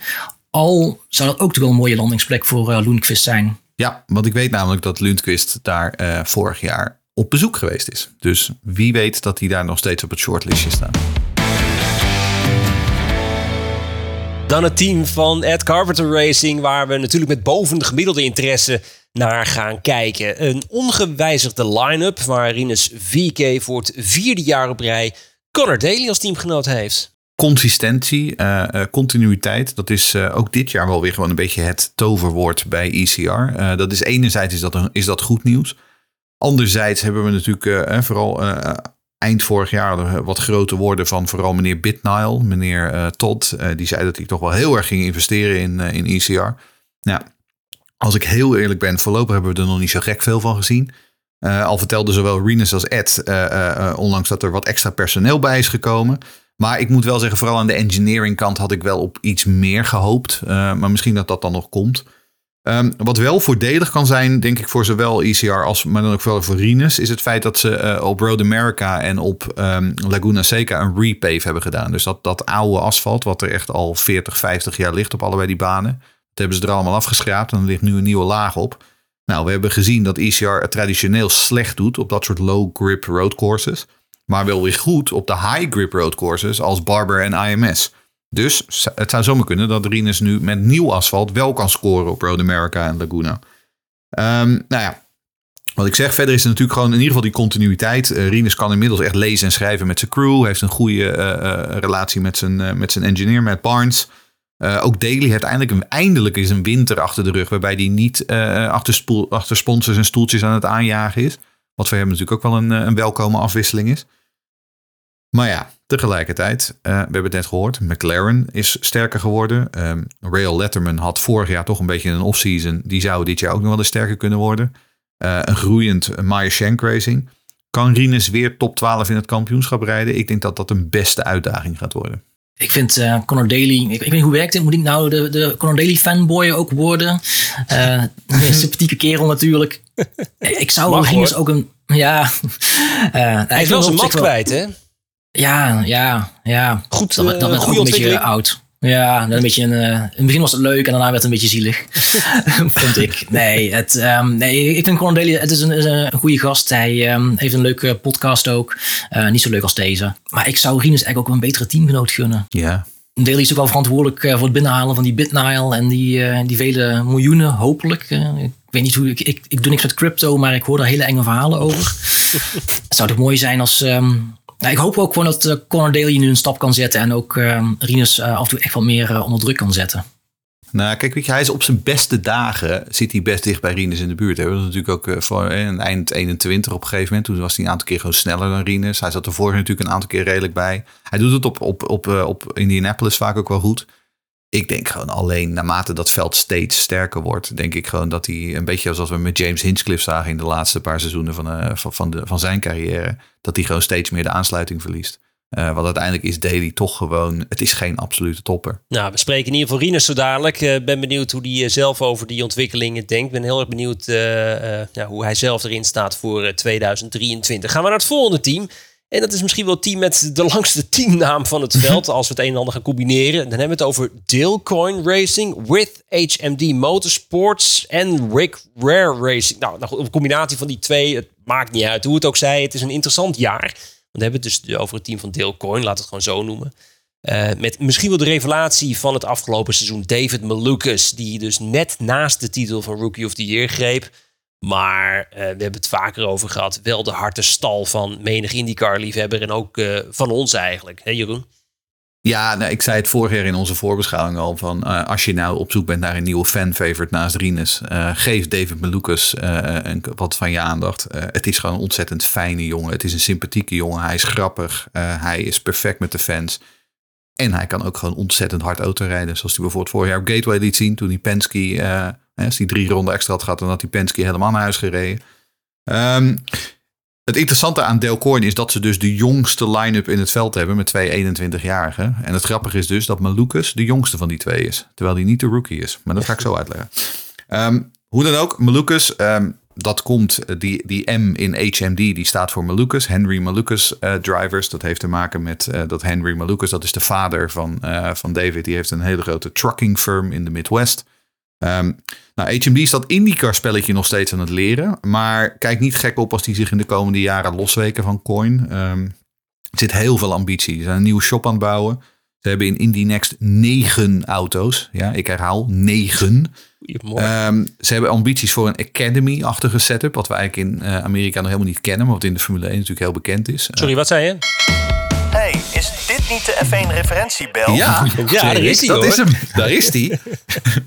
maar goed, die HMD-jongens, hou ze in de gaten. Want daar zit een hoop ambitie. Um, nou, we zeiden het net al, David Malukas, voor de verrassing van 2022. Um, fijne persoonlijkheid, een paar geweldige races. Maar is nu dus wel zijn engineer kwijt aan Scott Dixon. Um, ja, hoe gaan ze dat opvangen? Wordt 2023 dat moeilijke tweede album voor Malukas? Of eh, gaat hij toch doorstoten? Zijn nieuwe engineer was vorig jaar de assistent-engineer, dus hij kent hem wel. Maar um, dat is, dan moeten we nog even afwachten hoe dat, uh, hoe, hoe dat uh, uitpakt. En dan zijn, um, uh, zijn teamgenoot, dat is dus Stingray Rob. de bezitter van de beste naam in de autosport. Voor wie het niet weet, um, zijn ouders waren grote fan van Corvettes. Bovendien zit er wat Schotse roots. En dat hebben ze gecombineerd en toen kwamen ze uit op de naam Stingray. Waarom niet? Ja, Ehm, nou ja, die werd na veel vijven en zessen werd dat dus de opvolger van Sato in de Coin eh Rick Ware Racing machine. Eh, brengt volgens de TamTam zo'n 4 miljoen dollar mee. Ehm, in de Road to Indy is hij een redelijke diesel geweest. Hij werd eh, Indy Pro 2000 kampioen na vier jaar geloof ik. Ehm, maar voor seizoen wel best of the rest achter Lundqvist in lights. Ehm, dus ja, hij kan best wel wat. Maar sowieso, wanneer hadden we voor het laatst een coureur uit Idaho? Ik kan het me niet meer herinneren. Die zoeken we op. die gaan we opzoeken. De tijd Ik zoek hem loopt. voor de, voor de eerste race, ja. Ja, volgens mij is het is wel een heel- steeds terugkerend verhaal bij, bij Coin. Ze verliezen elk jaar hun belangrijkste engineers. En ze verliezen om het jaar eh, een, een, een, een, topcoureur waar ze op hopen dat ze eh, jaren mee vooruit kunnen. En iedere keer staan ze er weer. Je denkt iedere keer, nou, nu zal het wel afgelopen zijn. Dus nu zal het wel afgelopen zijn. Ja, maar het is weer een, nieuw, het is weer een volledig nieuwe line-up. Hè? Want ik bedoel, hè, ze zijn natuurlijk hiervoor Pelot kwijtgeraakt. En ze zijn inderdaad, ze zijn, Sato is weggegaan nu. En ehm, ja, ik, uiteindelijk doen ze het weer. Ehm, en ik denk echt wel, eh, vooral eh Malukas, als die, eh, als die de stijgende lijn door kan zetten, die kan echt nog wel verrassen op een, als hij een goede dag heeft. Ja, en, is dit, en ik ben wel benieuwd. Kijk, als hij. uiteindelijk gaat er een punt komen, wellicht. dat hij zich toch moet losweken van HMD. Dat kan me voorstellen dat het ook best wel een, een moeilijke afweging zou kunnen worden. Maar ik denk dat het, het zou nu toch veel te vroeg zijn. Laat het duidelijk zijn. Ik denk dat het goed is dat hij nog even een jaar lekker eh, mooie dingen laat zien. En eh, nou, interessant. Heel erg interessant. En ook leuk om eh, Stingray Rob. Dat blijft een briljante naam. Ik ben benieuwd eh, hoe die het gaat doen in zijn eerste seizoen. Ja, we naderen meer de staart van het veld. Maar komen we nu wel met een team wat behoorlijk wat potentie heeft. En dan hebben we het over het team van Junkos Hollinger Racing. Die van één naar twee auto's gegaan is, Henry. Ja, inderdaad. Eh, ja, Junkos, Hunkos, ehm, Groenkos, ik weet het ook Groenkos. niet. hoe we het ook uitspreken. Ehm, ze breiden uit naar twee, eh, twee eh, auto's. Ja, de vraag is, gaat ze dat heel veel brengen? Eh, ze komen met de, nou voor mij en ik denk voor de meesten van ons, volstrekt onbekende Argentijn Agustin Canapino. Eh, naast Callum Islet die terugkeert. Ehm, en daar zit wel een, een beetje een budgetkeuze in. Ehm, anders had je er liever ook, nou, noemen we weer Lundqvist of een eh, Matt Brabham in zo'n auto eh, liever gezien, denk je. Ehm Canapino is een, eh, ehm, ja, een, een, een eh, hoe noem je het, stockcar coureur? Een um, Touringcar. touringcar coureur, dat is het woord. Eh touringcar coureur uit Argentinië is daar tigvoudig kampioen. En ja, eigenlijk voor ons een eh, totale onbekende. En hij moet gewoon, gewoon meters gaan maken. Hij kan eigenlijk alleen maar verrassen, want niemand verwacht iets. Eh, hij deed zijn eerste test op Sebring volgens mij. Daar was hij echt eh, mijlenver achter eh, de rest. Ehm, in Thermal, de laatste test vorige week, daar kwam hij best, wel best aardig mee. Zo een beetje tussen de 20ste, 22ste plek. Ja, ik was bang dat hij met dank aan de Argentijnse VVV en, en Chevy, die, hun, die zijn stoeltje betalen, het hele jaar het veld voor zich uit zou mogen jagen. Wie weet ehm, lukt het toch om, om een beetje goed mee te komen. Ehm, hij was niet laatste dus in de test en dat is al heel wat. Islet was meer aan de andere kant van, dat, eh, van die tijdentabel te vinden. Hij maakte in zijn eerste jaar eh, veel indruk, een paar goede races. eh, vooral die laatste race op Laguna Seca, waar je zich op de voorste rij kwalificeerde. Ehm, ja, maakte al best goede indruk en zal een volgende stap willen zetten. Ik heb me laten vertellen ehm, dat hij niet helemaal happy is met, met de uitbreiding die ze hebben gekozen. En liever met één auto was doorgegaan met volledige aandacht voor hem. Dus dat is interessant om in de gaten te houden hoe dat zich gaat ontwikkelen. Hij staat op meerdere lijstjes van andere teams voor eh, 2024. ehm, na het eh, debuutjaar. Hij had volgens mij een multi-year agreement getekend. Ja. Ehm, maar goed, eh, contracten zijn er om verbroken te worden. En je weet maar nooit of opties daar nog eventueel in staan. Ehm, als je maar niet dezelfde eh, eh, adviezen volgt als eh Polo. ja, precies. En dan tot slot zeggen we nog even visit Argentina. Goed, dan de hekensluiters van eigenlijk de afgelopen jaren. Het team van AJ Voigt. Ehm, er is ook daar weer eh, het nodige gewijzigd, hè Jeroen? Ja, alweer. Eh, ja, Voigt, Voigt gaat weer het wiel opnieuw uitvinden. Eh, weer nieuwe engineers, weer een nieuwe teammanager, weer nieuwe rijders. Ehm, gelukkig geen Rocket, want die betalen niet. Ehm, dus ja, nou moet het ook, moet het ook wel zeggen, de, het moet ook wel een beetje opnieuw op, eh, uitgevonden worden. Want eh, we hadden het eerder al over, Kirkwood had vorig jaar gewoon echt een beroerd jaar. Eh, en aan hem lag het denk ik toch gewoon grotendeels niet. Ik weet dat hij een aantal Harry moments had waarbij op een gegeven moment zijn remmen gewoon uh, dienst weigerde terwijl hij dat aangegeven had en zo. Dus het werd ook allemaal een beetje rommelig qua hè, kwaliteit en dergelijke. Maar goed, wat net uh, nou, Tony Kanaan, Charlie Kimball, Sebastian Bourdais niet lukte, dat moet met Santino Ferrucci dus wel gaan lukken. namelijk dat Voigt weer gaat winnen. want ja, ooit wonnen ze gewoon veel races. Ehm, maar dat is al inmiddels al een hele tijd geleden. De sleutel hier is Michael Cannon. Nou, wie is dan Michael Cannon? Michael Cannon is een engineer die precies weet wat hij doet. Die in 2020 nog kampioen werd met Dixon. Hij komt over van Ganassi en wordt een nieuwe nou, grote technische man. Um, en Cannon werkte natuurlijk in 2019 al bij Coin samen met Ferrucci. Dus die twee die hebben een goede klik. Uh, dat zou een sleutel kunnen zijn voor een succesvolle campagne voor, um, voor Ferrucci. En wie zit er dan in die andere auto? Uh, Benjamin Peterson, uh, dat is een rookie. Uh, komt uit de Indy Lights. Um, was daar, nou ja, redelijk, maar meer ook niet. Won één race, dat was het wel. Um, maar zijn vader, Christian, dat is een, een voormalige Microsoft executive. die betaalt met zijn centen toch wel het groot deel van het feest hier. Um, officieel wil Voigt het niet toegeven, maar uh, ik weet uh, uit goede bron dat Pedersen senior ook niet helemaal op zijn achterhoofd gevallen is. En die heeft gedacht van ik wil best betalen, maar dan wil ik ook zeggenschap hebben over het rijlen en zeilen van het team. Um, dus ja, het zou kunnen dat er bij Voigt wel daadwerkelijk wat gaat veranderen. Uh, want Ferrucci heeft ongetwijfeld potentieel. vooral op die ovals, dat weten we. Daar is hij heel sterk. Maar ja, hij is ook nog niet onbetwist. Um, ja, en Pedersen, nogmaals, hij zit hier toch vooral vanwege de centen, vooral vanwege uh, uh, het, het, vermogen van zijn pa. Daarmee houdt hij Voigt voorlopig op de been, want Voigt had gewoon centen nodig. Maar we kunnen niet heel veel van hem verwachten. Um, en wie naar de tijdlijsten van de Thermal Club kijkt, die ziet dat hij stijf laatste was. Nou ja, dan weet je het wel. Ja, dan gaan die dromen ook weer een rocket op. Ferrucci, hè? dat is natuurlijk altijd uh, verguisd in, uh, in Europa. In uh, Amerika nou, lopen ze toch al redelijk met hem. Nou, tenzij je IndyCar memes heet. Maar dan ben je wel redelijk fan. zijn ze redelijk fan van hem. Hij moet het vooral van de ovals hebben. Dat, dat, dat, dat zei je net al. maar is, is, dat, is dit de sleutel die AJ Voigt nodig heeft? Ik weet het niet. Kijk, het punt is uh, het aloude, zeg, het aloude spreekwoord beggars can't be choosers is denk ik hier ook wel een beetje van toepassing. Um, kijk, hij is natuurlijk destijds vanuit Europa toen hij nog Formule 2 reed. Toen is hij echt met de staart tussen de benen vertrokken.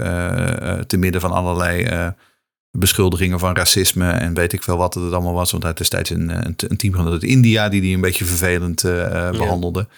Uh, nou, vervolgens kwam die in uh, Amerika aan. Toen ging op een gegeven moment uh, Make America Great Again caps rondlopen. Bleek dat hij gewoon samen met zijn papa toch wel redelijke Trump-aanhanger was.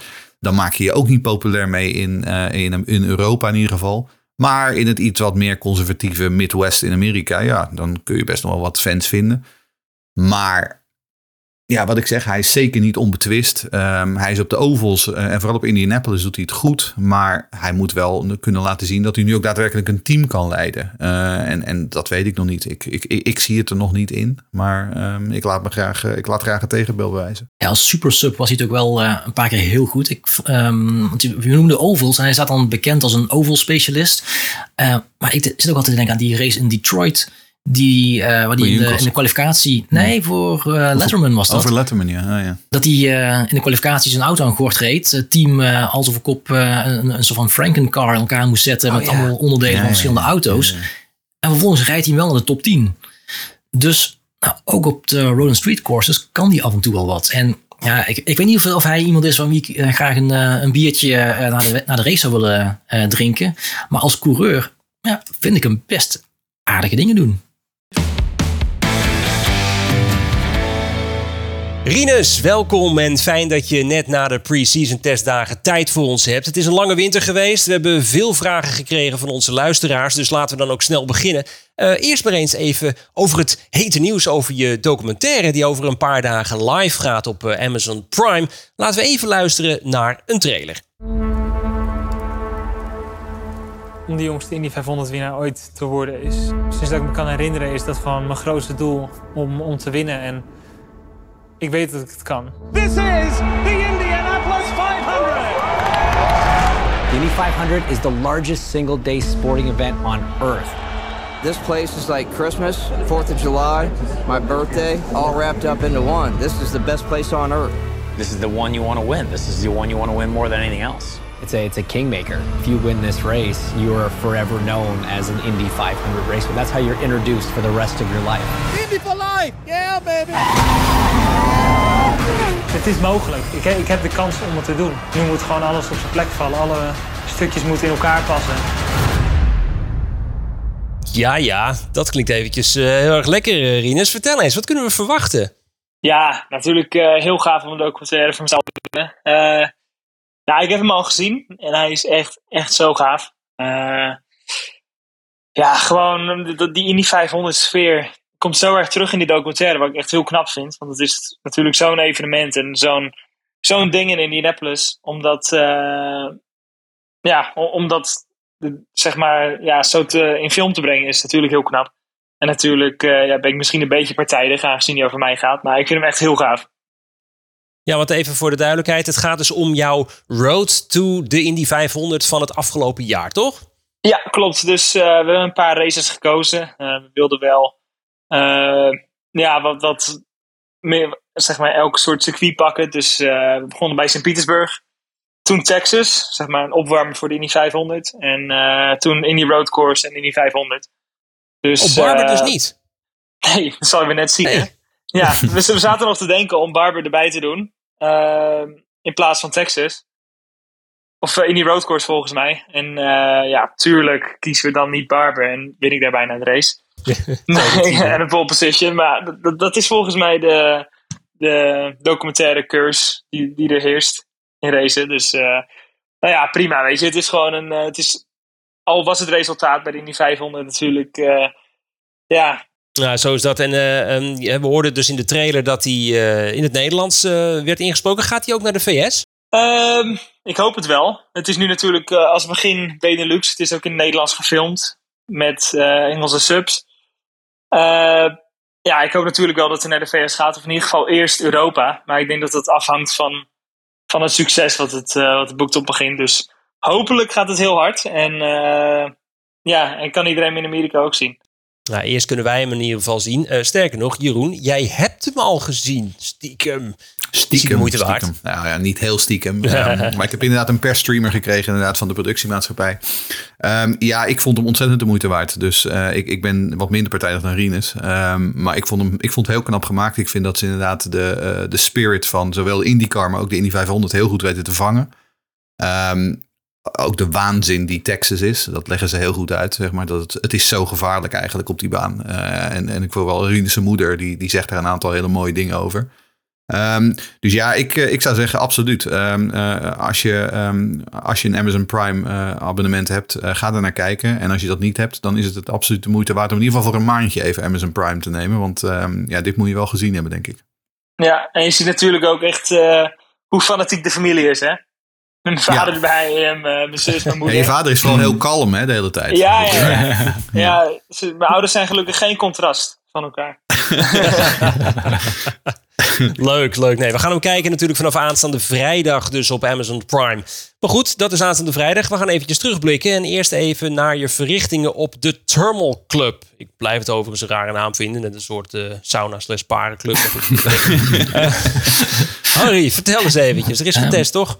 Ja, ja, misschien hebben ze die sauna en die paardclub er ook wel op het eh, terrein. trouwens, ja.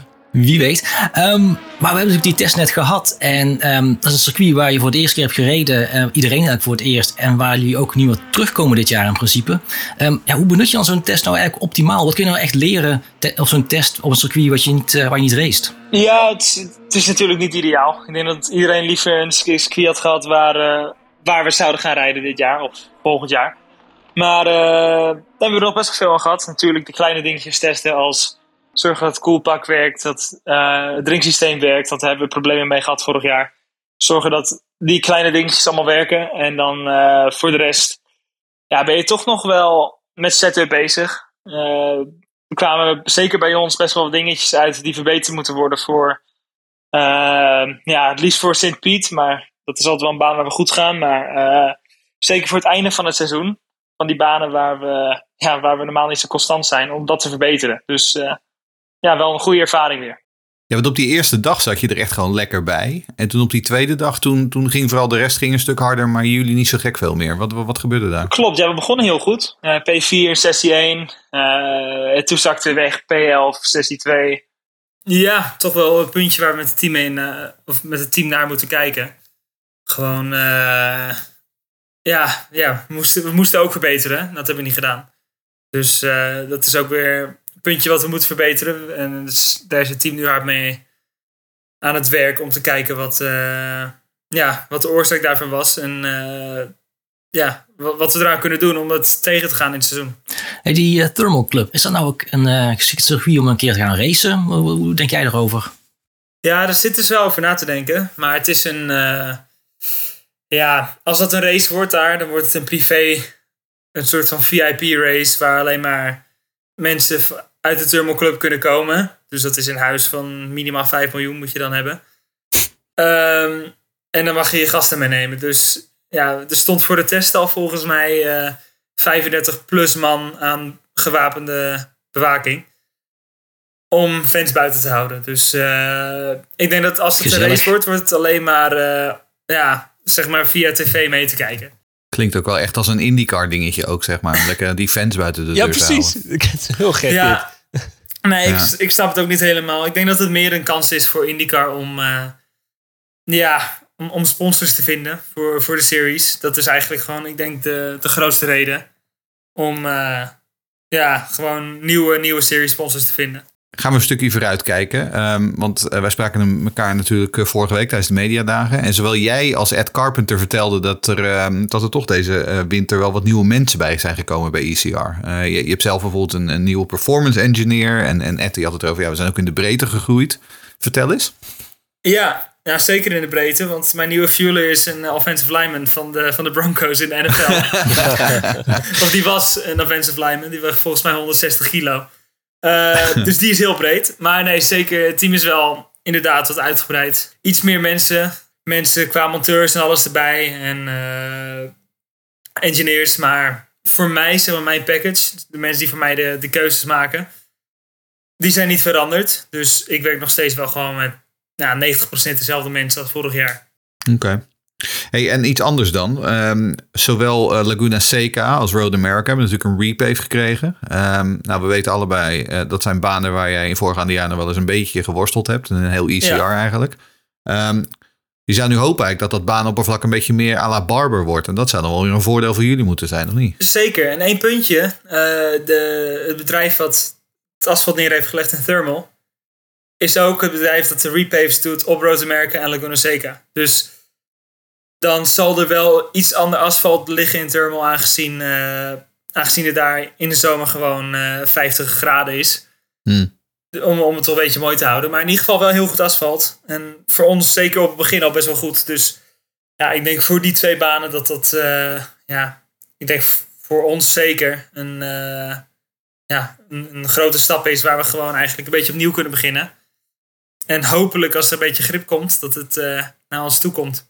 Eerder eh, deze week, eh, Rinus, werd eh, bekend dat je teamgenoot Conor Daly zich ook gaat, tenminste hoopt zich te gaan plaatsen voor de Daytona 500. Is zo'n uitstapje misschien ook niet iets voor jou? Een keertje te doen? Ja, heel cool. Zeker heel cool. Alleen, eh, ja, moet ik wel de kans krijgen. die, die heb ik niet gehad. Maar eh, ik vind het ook helemaal niet erg. Want ik vind het prima om nu mezelf te focussen op het IndyCar seizoen. De Daytona was ver genoeg voor het, de start van het seizoen voor mij. Dat het nog niet af aan het leiden was. Maar ik vind zo, ja, wat is het? Binnen een maand van, eh van St. Piet vind ik het toch wel... eh, fijn om aan mijn eigen positie gewend te zijn in de auto. En gewoon mijn eigen, eh, ja, toch wel die visuals al te hebben in de auto. Ik merk toch wel, zeker na Daytona, dat ik eraan moest wennen om in de auto te komen. Aangezien, ja, in Daytona deel je een stoeltje met z'n vieren. Dan zit je nooit perfect. Maar dan ga je op een gegeven moment aan wennen. Toen kwam ik in mijn IndyCar. Toen dacht ik, zo, wat zit mijn pedalen ver zeg. dus toen moest ik wel even een rondje of ja, vijf wennen. Totdat ik weer helemaal het gevoel in de auto had. Dat wil je niet in eh eerste training hebben in St. Piet natuurlijk. Nee, helder. We hebben natuurlijk, we wonen natuurlijk twee keer Daytona, maar je doet natuurlijk op de Daytona 24 uur en we doen Ja, nu ook klopt. op de Daytona Ja, 500. dat- dat is 24 uur, ja. Voor de luisteraars denken, hè, we hebben het nou over, maar goed, dat hebben we het over NASCAR, wat de Daily gaat doen. En laten we snel gaan naar de vragen van onze luisteraars. Dank natuurlijk allemaal weer voor het eh, insturen. Begin ik met eh, Peter van Midden. Die vraagt, Rinus, wat is voor jou dit seizoen belangrijker? Als je moet kiezen, uh, overal een beter en vooral constanter seizoen met ECR... of de Indy 500 winnen met ECR? Volgens mij is die vraag al vaker voorbij gekomen. maar ik ben benieuwd hoe je daar nu over denkt. Um, ja, ik wil ze allebei wel heel graag. maar uh, ja, ik denk als je de Indy 500 wint, dat, dat, daar kan je geen nee tegen zeggen. Maar sowieso ook een, uh, gewoon een constant seizoen. Gewoon een seizoen waar we in de laatste races ook gewoon de pit kunnen laten zien. En een beetje mee kunnen vechten. Dat, dat hebben we nodig. En ik denk dat we op die manier ja, toch gewoon een stuk meer leren. En gewoon onszelf een stuk beter in de kijker kunnen rijden. Want het is nu wel een beetje een, een trend dat we heel sterk beginnen. En dan afvallen door het seizoen heen. Of uh, afzwakken. Dus ja, het liefste in die 500 winnen. En uh, ja, dan daarna gewoon uh, de goede resultaten doortrekken. We hebben een vraag gekregen ook van uh, Harry van der Mortel, die eigenlijk erop aansluit. Dan heb je nou ook iets aangepast om dit jaar constanter te worden. En, en ook daarbij van, wat, wanneer ben je nou echt tevreden? Wat zijn je doelen voor komend jaar? Toch een, een paar podiums meer, een paar zegens? Ja, natuurlijk. Mijn doelen zijn weer zeker om minimaal één keer op het hoogste treden van het podium te staan. Dat doen we natuurlijk voor mee om te winnen. En ja, ik heb er ook wel heel erg zin om, zin om dat weer te doen.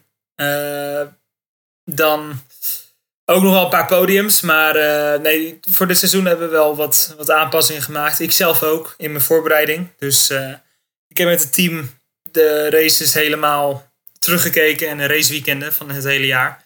Dus van, van ronde 1, ronde 2, bocht voor bocht hebben we gewoon, gewoon het hele, het hele raceweekend teruggekeken. En dat is voor mij heel belangrijk, maar ook voor het team daar hebben we ook wel van beide kanten uh, plekjes en momentjes gespot die eigenlijk niet zo opvielen door het weekend heen, maar toch wel uh, een consequentie, hadden voor een positieve of negatieve consequentie voor het einde van het weekend naar de race toe. Dus uh, ja, we hebben nu een heel plan voor mij om anders voor te bereiden, maar ook voor het team. Zodat we gewoon een stuk beter kunnen starten en dat mee kunnen nemen. Nou, dan hadden we nog een vraag die kwam eigenlijk in meerdere vormen en van meerdere mensen binnen. Onder andere je grote vriend Dennis Burgersdijk, uh, Michiel Lambers, uh, Remco van Eldik. Um, die zeggen van, voel je nou een verbetering uh, ten opzichte van de auto van vorig jaar? We weten dat het dezelfde Dallara is als, als ieder jaar, maar ten opzichte van vorig jaar en dit jaar. En, en, en heb, je, heb je het idee dat het team geluisterd heeft naar jouw feedback om die auto beter te maken over de winter? ja, weet je, in, op Thermal hebben we natuurlijk al weinig data en is het ook moeilijk, moeilijk te zeggen. Uh, ik weet zeker dat het team naar me heeft geluisterd. We hebben, ik heb ook best wel gezeurd in de offseason om te zorgen dat ik, me, ja, dat ik mijn zin krijg. En natuurlijk ook het team, weet je, die wil, die willen ook winnen. Dat iedereen gewoon uh, de beste resultaten heeft bij ons. Maar ja, ik denk wel, wel dat, we, dat we een vooruitgang hebben geboekt. Uh, zeker, zeker als team zijnde. Uh, zelfs de manier van werken. Vaak duurde het best wel lang om tot op snelheid te komen. Eigenlijk een weekend als thermal was normaal omgekeerd voor ons bij een test. We begonnen rustig en op het einde konden we misschien een tijd neerzetten. En nu begonnen we sterk. En ja, zijn er misschien wat foutjes door de test heen gemaakt, waardoor, ja, waardoor we eigenlijk bleven waar we waren. En de rest beter werd. Dus uh, ja, ik denk dat we wel wat verbeteringen gaan maken. Zeker voor St. Piet. Uh, ook met dempers en alles. Dus uh, we hebben nog een test in, in Sebring.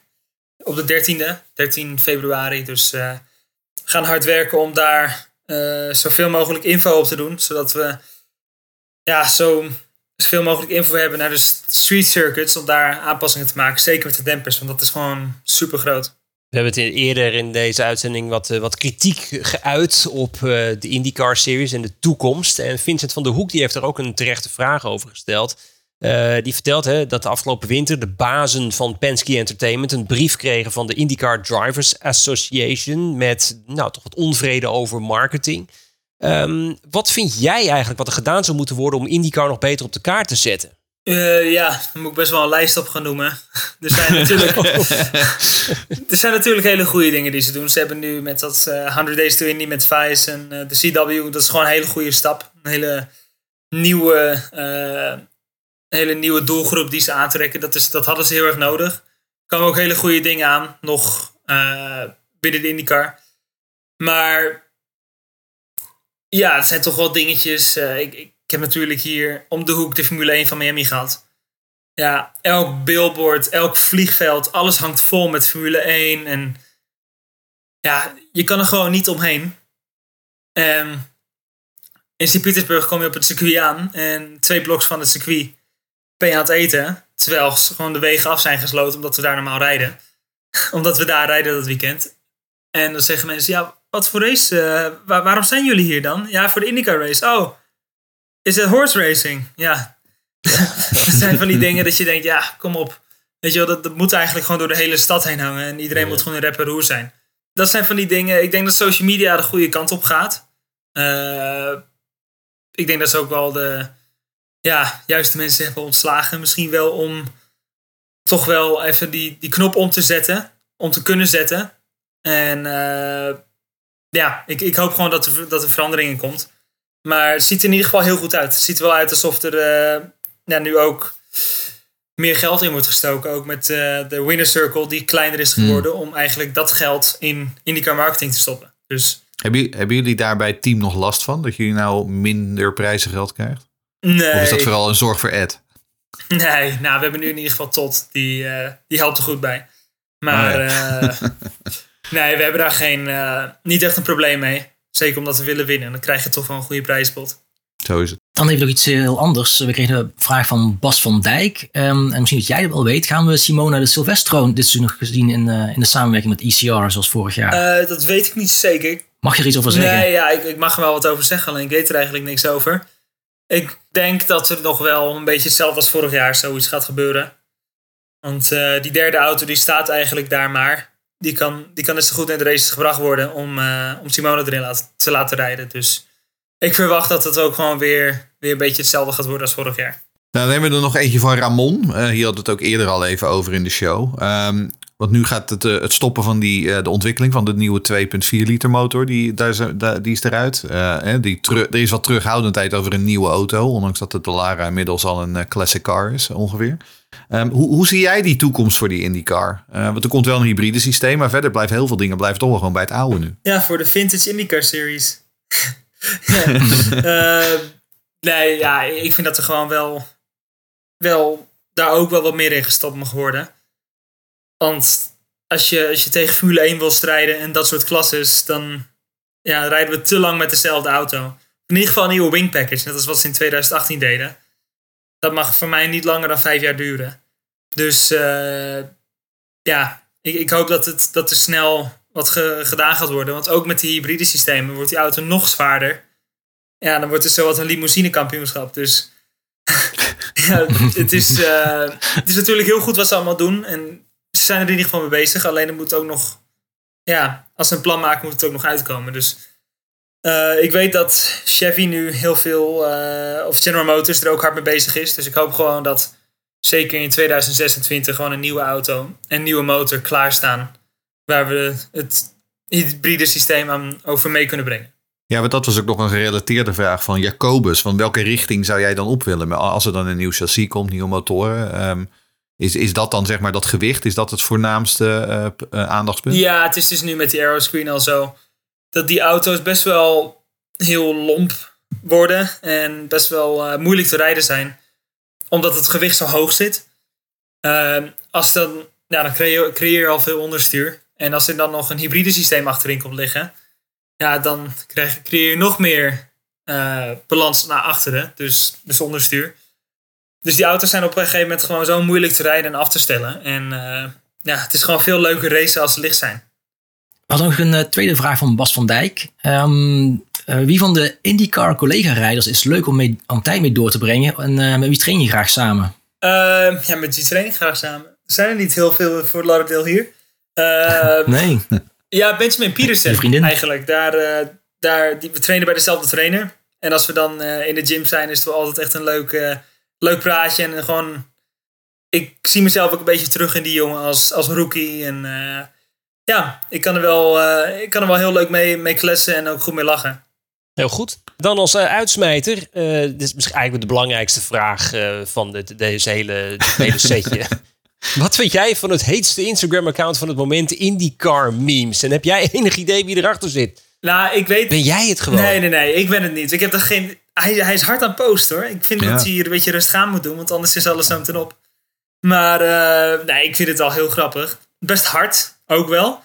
Alleen, eh, ja, ik was volger nummer 52. Conor die kwam er mee op de simulator, dus eh, nee, dat was grappig. Zolang je geen Devlin, Ferrucci of eh Kellet heet, is het een hele leuke meme-page. Devlin heeft het ook, ook zwaar hoor. Dat is wel verdacht trouwens, hè, dat, die, dat Daly er zo snel bij was. Ja. Ja, maar hij weet het ook niet. Hij is het ook aan het proberen uit te zoeken. En eh, ja, we weten het nog niet. Maar het is wel iemand... Er wordt met zoveel kennis Ja. gememd, zeg maar. Dat ja, het moet iemand zijn die best wel dichtbij staat. Ik heb me laten vertellen dat Hinge weet wie erachter zit. Ja. Misschien moet je dat je er daar een keer mee eh, in, in gesprek moet. Ja, ja ik, ik, zou- ik zou het niet weten, maar ik vind het wel heel grappig. Het is ontzettend Ja. grappig, absoluut. Ja. Het, is het, is het beste account wat ik in jaren gezien heb. op ja, Instagram. ik denk dat Ja. Ineke uh, noos moet maken. Ja, ja, sowieso. Je hebt in, eh, in de NASCAR heb je het account NASCAR Chasm. Ik volg NASCAR vrijwel niet, maar dat account volg ik. En dan, via dat krijg ik ook veel van NASCAR mee. Dus nou ja, het zou een mooi effect kunnen hebben. Zeker. Dat zijn van die dingetjes die toch wel... Die doen het altijd wel heel goed. Dank Rinus voor je tijd. Eh, we laten je weer gaan. Eh, we gaan eh, genieten van eh, geweldige wedstrijden en eh, hopelijk eh, lekkere resultaten. Eventjes heel kort, St. Piet, wat verwacht je ervan? Ja, vorig jaar was het zesde, terwijl we ja, de rode banden een volle twee ronden mee konden nemen. Dus eh, ik denk dat als we die een beetje wat meer kunnen laten leven dit jaar, dat eh, ja, top 5 podium, dat zit er echt wel in. Die pace van vorig jaar hebben we gewoon in St. Piet. St. Piet vind ik een lekkere baan. En eh, ik denk dat we er echt wel goed voor kunnen gaan. Eerst kwalificatie. Als we daar goed erbij zitten, kunnen we gewoon voor het podium gaan. Top. Noteren we. Dankjewel eh Rinus. Yes. Ja. En eh, veel succes. Dankjewel. Een nieuw seizoen staat dus op het punt van beginnen en dus ook een nieuw Green Green Green voorspellingenspel. Ben jij de meestervoorspeller voor het komende IndyCar seizoen? Doe dan mee en wellicht win je dan ook nog eens leuke kleine prijsjes. Aan het einde van het jaar weten we natuurlijk wie het het beste heeft gedaan. Maar gedurende het seizoen kunnen we natuurlijk alvast wat tipjes oplichten. Henri, samensteller, quizmaster van het eh, voorspellingenspel. Ehm, heb je er nog wat leuke gokvragen tussen kunnen zetten? Ja, Eh, ook, ook dit jaar kunnen we echt weer driftig op los voorspellen. Kijk, een aantal vragen kun je natuurlijk al verwachten. Staan er standaard in. Wie wordt kampioen? Eh, wie wint die, in die 500? Beste rookie? Ehm, maar ik heb ook een hele sloot aan nieuwe en aangepaste vragen erin gebracht. Eh, daarbij heb ik ook gedacht aan de Ferrucci-liefhebber of hater. Nou, in ieder geval drie races dit seizoen moet je hem heel erg aan toejuichen. Ehm, en wat ik ook heb gedaan is bij elke race om een eh, voorspelling gevraagd op basis van een aantal stellingen. Eh, en die kun je dan het hele jaar bijhouden. En op vele verzoek, om dat dit jaar wat gemakkelijker te maken, eh, kun je ook je eigen antwoorden naar jezelf toe laten mailen. Eh, dat hoeft niet als je dat niet wil. Ehm, je bent niet verplicht om een e-mailadres achter te laten. Maar als je het leuk vindt om je eigen antwoorden eh, terug te kunnen zien en het gedurende het seizoen bij te houden, dan ehm, kun je dat ehm, eh, naar je toe laten mailen. En alle e-mailadressen die wist ik meteen als ik eh, eh, alle antwoorden verstuurd heb. Het spel gaat tegelijk met deze uitzending live. Dus eh, vanaf nu en letterlijk nu kunnen jullie... De lijnen eh, zijn geopend. De, de lijnen zijn geopend. Bel nu, we zitten voor u klaar. Ehm, je kunt nu je voorspelling eh, doorgeven via de socials. Eh, daar staat de link.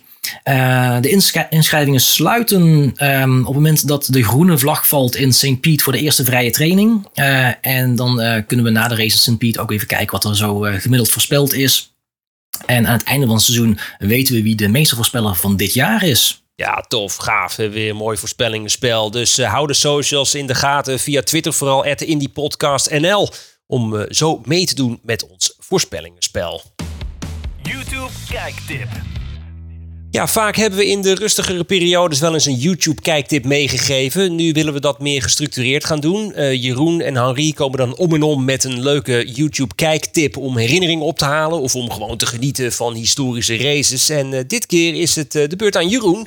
Jeroen, als je denkt aan St. Piet, heb je dan nog een leuke kijktip die je dan te binnen schiet?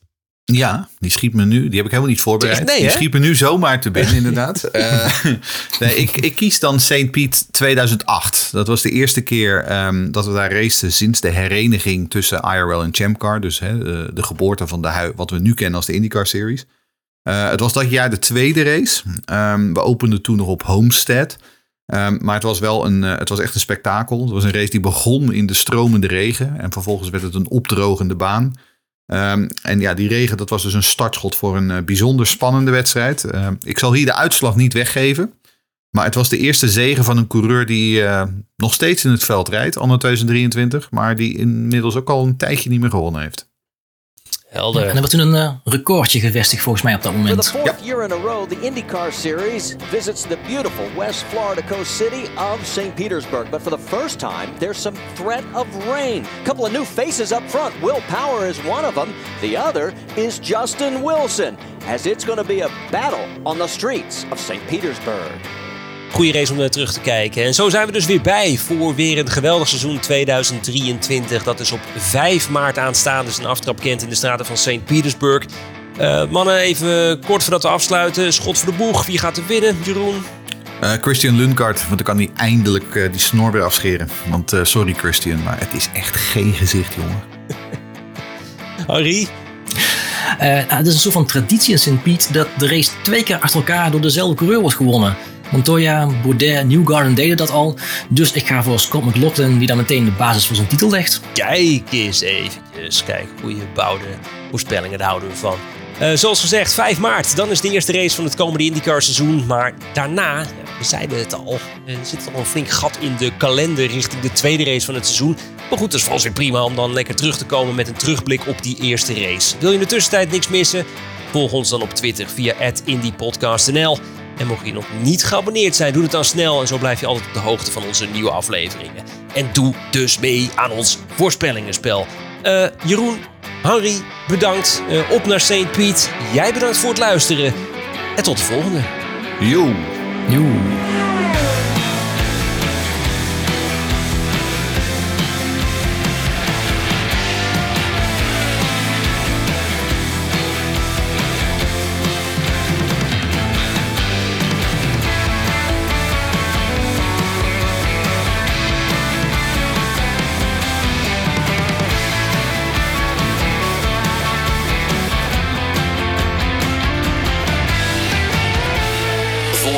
Laatste IndyCar nieuws van Green Green Green op Twitter via @indypodcastnl en abonneer je op Green Green Green via je favoriete podcastplatform.